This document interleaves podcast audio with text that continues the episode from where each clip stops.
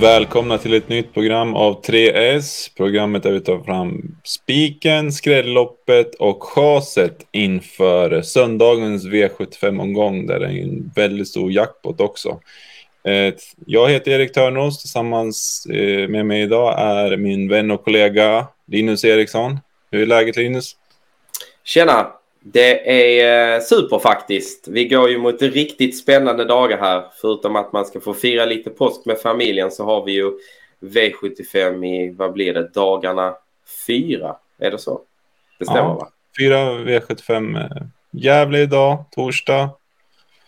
Färjestad fredag, Klosseskogen lördag och Solvalla på söndag. Där de eh, stora pengarna ska utdelas förhoppningsvis. Så att, nej, vi drar igång direkt och sätter spiken.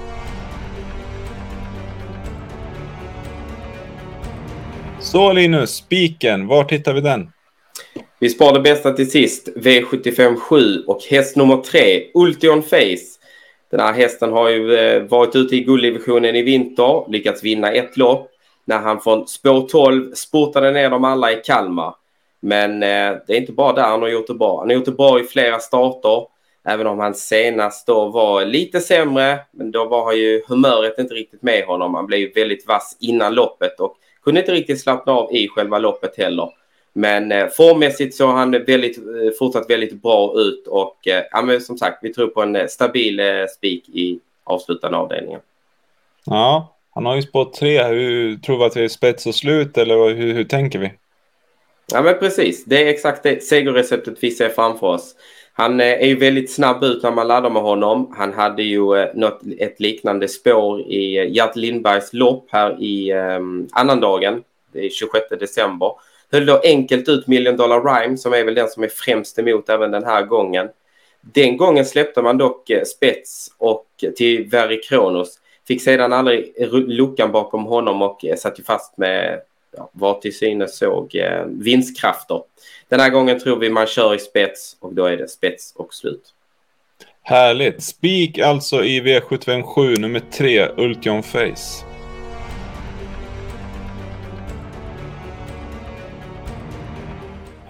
Spiken avklarad. Eh, nu går vi över till skrälloppet. Eh, vilket är skrälloppet Linus?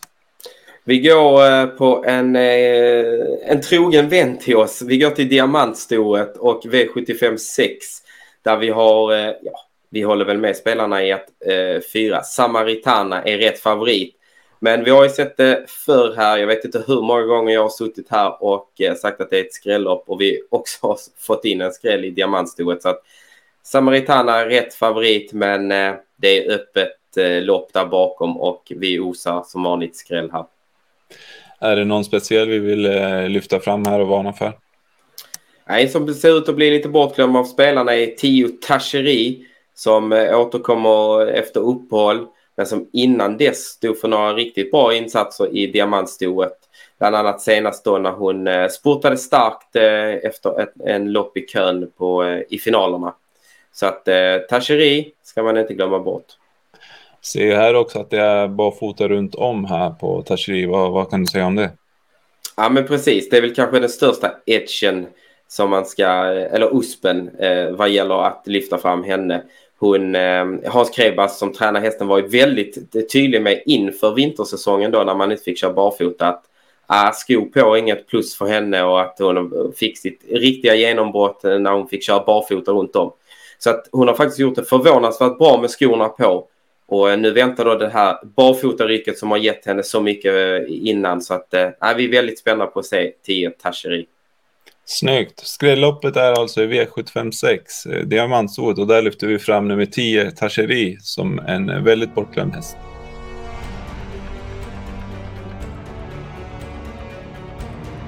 Spiken avklarad, skrälloppet avklarad. Eh, chaset Linus, vad, vilken chasar vi den här omgången?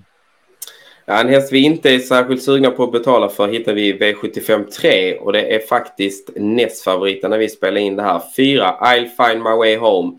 Örjan Kihlström kör, Daniel Redén tränar. Eh, ja, då, eh, då eh, får man väl våga sticka ut hakan känns det som. Eh, gör ju årsdebut. Eh, är säkert inte något topp, topp form på den kanten även om Daniel låter sådär ljummet nöjd. Eh, men eh, nej, vi får ingen riktig feeling för honom.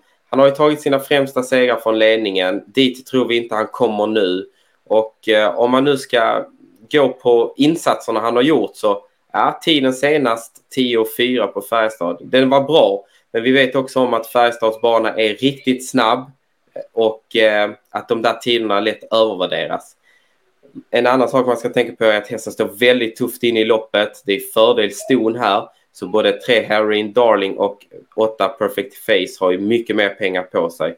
Faktum är att I'll find my way home har hälften så mycket pengar som eh, nästan hälften så mycket pengar som eh, Erin Darling och eh, en miljon mindre än A Perfect Face.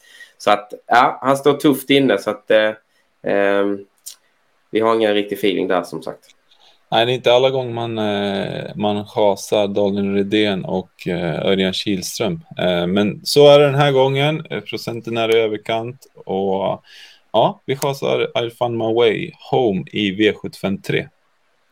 Liten kort sammanfattning. Vi spikar i avslutningen. Nummer tre, Ultion Face. Skrälloppet är diamantstoet, föga förvånande. Och där varnar vi för nummer tio, Tacheri, som blir bortglömd. Sedan chaset så chasar vi nummer fyra, I'll find my way home i V753.